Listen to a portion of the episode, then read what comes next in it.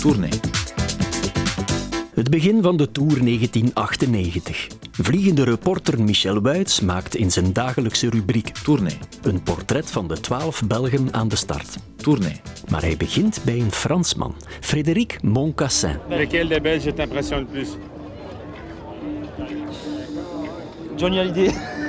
Met Belgium houdt niemand rekening in die dagen. En het is ook de tijd dat koersreportages nog passen op barokmuziek van Arcangelo Corelli. Concerto Grosso nummer 6. Prachtig. Maar zwart, na het gedol met Moncassin komt Wuits bij de lottobus. Ik ben Paul van Eyck, ik kom uit Aardvelde. Het is mijn derde tour. Ik ben Peter Farzijn, het is mijn zesde tour. Ik ben Kurt van de Wouwer, ik ben van Herentals. Van de Wouwer. Een toerdebutant uit Herentals. Ik ben achtste geweest in de Baby Giro. Ik zou graag een rit winnen in een tour, maar ik weet niet of dat dit jaar al gaat lukken. Ben jij een geboren klimmer? Geboren klimmer. Ik denk dat als je in Herentals woont, waar dat volledig vlak is, dat het moeilijk te zijn is van geboren klimmer, maar uh, het gaat toch goed bergop. Het kan aan zijn jeugdigheid liggen, of aan de vragen van Michel, of aan de barokke grandeur van Corelli, maar Kurt is nogal een stille jongen. En dat is hij nog altijd. Twintig jaar later zit hij tegenover mij in een hotel in Duinkerke. Hij is nu ploegleider van de Lotto's in de Vierdaagse daar.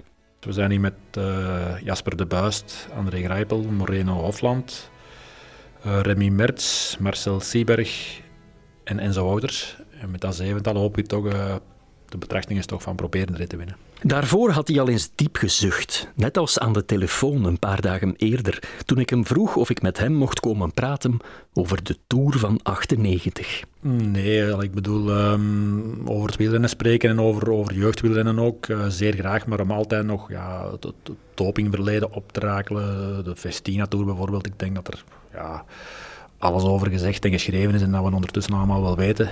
En dat nu anders moet en beter moet, ik denk dat we dat allemaal beseffen. Oké, okay, dan laten we daar later nog eens op terugkomen. Misschien eerst iets over het absolute topjaar van Van de Wouwer. Het zou een goede quizvraag zijn. Kurt van de Wouwer won in zijn hele loopbaan drie wedstrijden. Welke? Hij mag zelf antwoorden. Het waren twee ritten in de Hofbrouw Cup, denk ik. En uh, een eindzegen in een rittenwedstrijd in Spanje in Circuito Montañes, dacht ik. Inderdaad, twee ritten in de Hofbrouw Cup en het Circuito Montañes. Zoek niet, ze bestaan al lang niet meer. En vraag B zou dan zijn: in welk jaar? 1997. In die zin was 97 zeker een topjaar. Het jaar ook waarin hij derde wordt in het Belgisch kampioenschap in Beersel. Ik dacht dat Tom Stil daar won op de Alsenberg. We waren daar met vier vooruit en ik was daarmee, waar ik al tevreden mee was toen. En dan ja, Stils, Dirkses en Wilfried Peters, denk ik.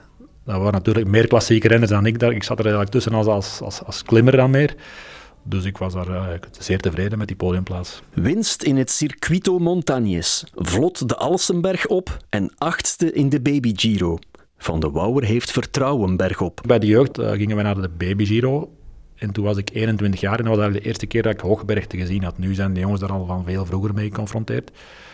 Ja, ik, ik ben geboren en getogen in Herentals en daar is het ja, volledig vlak, zeg maar. Um, verder dan Ardennen was ik nog niet geweest voor mijn 21 en dan kom je ineens... Uh, in Italië in een baby Giro. En inderdaad, ja, dat was zo direct iets van oké, okay, er loste er en er loste er en je bleef er dan bij. En dat was eigenlijk voor mij een klein beetje een openbaring en een verrassing, dus dat dat zo goed ging. En dus heeft reporter Michel Weitz nog altijd op de plechtige tonen van Arcangelo Corelli wilde fantasieën. De belofte in de ware zin van het woord. Ben jij de grote Belgische klimhoop? Dat weet ik niet.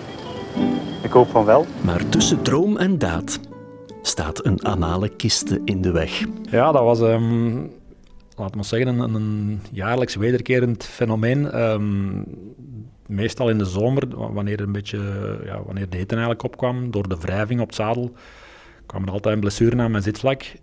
En ja, dat ontstak dan soms. Als je een rittenwedstrijd heeft, dan geen tijd om te herstellen. Dus dat ontstak dan soms. En soms ja, gaf dat toch wel echt uh, problemen. Waarom heb je een gat in je zeil?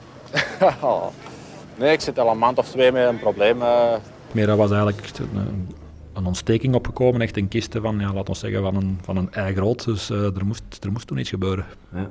Dus ja, het laten opereren onder het seizoen was geen optie, want dan was het seizoen gedaan. Dus ik moest op een of andere manier het seizoen zien door te komen tot, tot half oktober, om dan de, de operatie uitstellen tot dan. Dus hadden we niet beter gevonden dan inderdaad met een kuttermes uh, de zadel uit te snijden. Met een uitholling op de plaats waar het ijs zich bevond. Met een ei in zijn broek rijdt Kurt van de Wouwer naar een knappe zestiende plaats in zijn eerste tour. Maar daar is op dat moment geen hond in geïnteresseerd.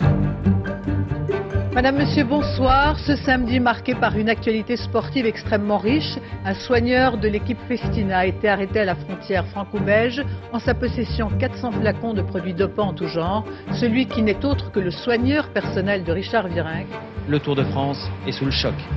Je vous rappelle donc que l'information principale de cette soirée, l'équipe Festina a donc été exclue du Tour de France. Très déçu, Richard Virenque craque. Le Tour de France, c'est la plus belle... Euh épreuve au monde qui puisse exister. Donc, euh, vive le Tour de France 98 et je donne rendez-vous à l'année prochaine. Elke dag gebeurt er iets. Daar lees je in deze Bahamont is alles over. Van de Wouwer zucht, want we zijn weer over Festina 98 bezig. Maar dat klinkt misschien ook raar, maar dat is ook zo. Je bent dan eigenlijk als renner zo gefocust op het sportieve nog en, en je sluit je eigenlijk Zoals je dat nu ook doet, uh, als je in een wedstrijd bent van een week, sluit je eigenlijk een beetje af van wat er in het dagelijks leven gebeurt. Dus ook daar zijt je vooral met jezelf, als renner zijt je eigenlijk vooral met jezelf bezig en, met, met, met, met sportieven en met presteren. En op zich heeft dan ja, niet zo'n zoveel invloed op, op. Echt? Lukte dat om je daarvan af te sluiten? Uiteindelijk die wedstrijd vertrekt en je moet even goed presteren, los van wat er allemaal gebeurt. Ik bedoel, je bent daar en het is je eerste tour en je wilt bewijzen dat je zelf in staat bent om iets, iets te laten zien. Dus je bent vooral daarmee mee bezig. Ik confronteer hem met een interview dat hij tijdens die tour aan het laatste nieuws gaf. Het ging over Jamoliddin Abdushaparov, die het jaar ervoor uit de tour gezet was door zijn ploeg, hè, betrapt op klembuterol, en die een proces aanspande die, die nog loon wou terugkrijgen. En weet je wat jij daar toen... Nee, ik kan me niet herinneren, maar dat is natuurlijk al hoe lang geleden? Lang. 20, 20 jaar. Dus nee, Kijk, je zegt op een bepaald moment, weet je wat het ergste is? Dat dit allemaal gebeurt op een moment dat de wielersport aan de top nog nooit zo zuiver is geweest. Er zijn excessen en die moeten aangepakt worden. Maar neem van mij aan dat de mensen die hier rondrijden veel gezonder zijn dan de renners die 20 jaar geleden aan de Tour deelnamen. Schrijf dat ook maar eens op.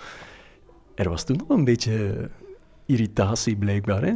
Ja, als je dat af, achteraf bekijkt, is natuurlijk uh, geen waarheid gebleken. Maar nu zeggen we eigenlijk weer terug hetzelfde dan dat toen die quote was. Dus ik hoop dat het nu dan toch wel waarheid is. Maar ik zeg, als je dan nu jaren, 20 jaar later op terugkijkt, is dat voor mij, wat nu de Tour van 98 of 99 of 2000, is je eerste Tour, dat is een belevenis geweest. Ik heb daar top 20 gereden en, en dat zijn eigenlijk de dingen die je daarvan onthoudt. Ik bedoel, ja, ja. Los, los van al wat er toen gebeurd is. Als je een levensdroom? Ja, ik denk misschien ooit rit winnen in de Tour of, misschien een keer in de tien eerste in het eindklassement. En met die droom begint Van de Wouwer aan zijn tweede Tour, die van 99. In de eerste week loopt het al helemaal mis op de Passage du Coua. Voor het klassement uh, zal dat niet meer goed te maken zijn. Hè? Maar ja, sturen daarover een weg eigenlijk dat, niet, dat ik vind dat dat voor een Tour niet kan. Je aan een verreng kwam, toen schof je gewoon weg. En uh, ja, een valpartij voor ons en uh, we zijn nooit meer teruggekomen. Hij verliest zeven minuten. Maar in het hoge bergte komt de bergheid van Herentals bovendrijven. Kurt van der Wouwer, twee dagen na elkaar achtste en vooral vandaag naar de top van Alpe d'Huez in het gezelschap van Lance Armstrong en Alex Sulle. Dat verdient een woordje uitleg. Hey, hey, hey, dit is de bevestiging van gisteren, hè? zeker. En meer zelfs. Hoeveel ben je? Zevende of zesde? Achtste. Achtste. Achtste. Ja, opnieuw, maar het verschil is kleiner. Je bent mee met de grote. Lucht, lucht, lucht. Eventjes wat lucht geven aan Kurt van de Wouwer. Maar Kurt, je bent een tevreden mens, zie ik. Kan ik. Nou, dat kan niet beter, hè. Je wint weer een paar plaatsen. Je doel, top 10 halen, komt in zicht. Oh ja, ik krijg gewoon dag per dag nu. Hè. Uiteindelijk lukt het net niet. Armstrong wint zijn eerste en Van de Wouwer verliest op de voorlaatste dag zijn tiende plaats. De voorlaatste dag was er nog een tijdrit van meer dan 50 kilometer. Verlier ik dan eigenlijk de tiende plaats tegen een Italiaan, maar de naam ontgaat me nu even. Echt? Weet je dat niet meer? Nee. nee. Andrea Peron. Proficiat. Ik zou gedacht hebben dat je ze alle tien uh, vlot zou kunnen opsommen. Helemaal niet. Omdat, ja, je gaat me waarschijnlijk uitlachen, hè, maar er is die boetade als alle op doping betrapte renners uit de uitslag geschrapt zouden worden, dan wint, dat weet je wel, hè, wie er dan zou winnen. Ja, maar als, als, als, uh, ik bedoel, uh, daar koopt je niet veel mee. Heb je echt nooit bij eens over nagedacht? Nee, ik, het is niet als ze allemaal dopingzondaar geweest zijn. Er zijn er sommigen wel op een andere manier in, in een ploeg gezeten of, of maar niet rechtstreeks. Dus ja, ik denk dat. Als je dan weet achteraf wat een aantal van die mensen die voor je eindigden gedaan hebben, denk je dan niet van, goh, het had er anders kunnen uitzien? Ja, had je kunnen maar zeggen. Ik had dat vooral hier ook al. Ik bedoel, dat is het verleden. Ik, ik denk dat we daar ja. niemand dienst mee bewijzen van daar nog verder over uit te wijden.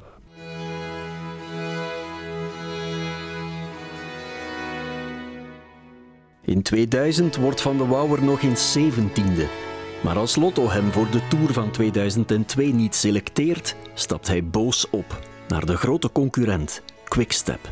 In dienst van de man van wie hij wilde dat hij niet de hoofdrolspeler zou zijn in dit verhaal. Richard Virank. Ja, hij staat sowieso qua status en qua, qua niveau hoger dan ik, dus dat was de logische zaak. Ja. Had je daar moeite mee? Nee dan is dat gewoon de logische gang van zaken. De antwoorden worden korter. Achteraf gezien is dat misschien een van de weinige foute beslissingen die ik in mijn carrière genomen heb. ik bedoel, dat is gewoon het verleden. Ik bedoel, ja. Spijt van? Mm, spijt van. Ik bedoel, ik ben jaren toen naar Quickstep geweest. Uh, achteraf gezien eigenlijk, uh, ja. Want ik ben eigenlijk, allee, als je nu ziet, ja, ook als ploegleider, ik ben eigenlijk over heel mijn carrière gezien echt een, een lottoman geweest, zeg maar. Dus op die op die manier uh, kan ik wel zeggen dat ik er spijt van gehad heb. Ja. Van de Wouwer eindigt zijn carrière bij het Unibed van Hilaire van der Schuren en komt daarna al snel in het jeugdwielrennen terecht. Hij is blij dat het gesprek eindelijk die richting uitgaat. Heb je daar evenveel deugd aan dan, om een van jouw jongens te zien winnen als toen je zelf won? Niet dat je zoveel gewonnen hebt, maar gewoon... nee, maar dat is eigenlijk raar. Ik bedoel, ja, het antwoord is ja. Hè, want je zou denken, als sportman wilde zelf winnen en achteraf als het gedaan is, is het gedaan. Maar eigenlijk kan ik daar nu bijna evenveel plezier aan hebben om, om, om, om op die manier koersen te winnen met, met, met die jeugdrenner of, of, met, of bij de profs met renners die... Ja, dat, dat, maakt even, dat, dat geeft evenveel voldoening. Zijn allereerste zege uit zijn carrière is er een grote, een kanjer, een onwaarschijnlijk dikke. Ties Benoot wint de Strade Bianca. Als, als Ties... Strade Bianchi won, dat is gewoon, ja, dan voelde je gewoon fier. Um, dat is plezant als die jongens het dan bij de profs ook beginnen te maken. En ik denk dat we er nog wel enkel in de pijplijn zitten, om nu Björk Lambrecht bijvoorbeeld, om er één te noemen, dat er nog wel aankomend talent is. Zat je in de koers toen Tisch won? Ik zat zelf in een wedstrijd uh, bij de belofte, maar ik had het op de radio gehoord, dus dat was toch wel, dat is iets om, daar waar we fier op mogen zijn. Ja. En die Tour van 98, daar gaan we maar over zwijgen zeker. Dat is 20 jaar geleden, hè. Ja. ja.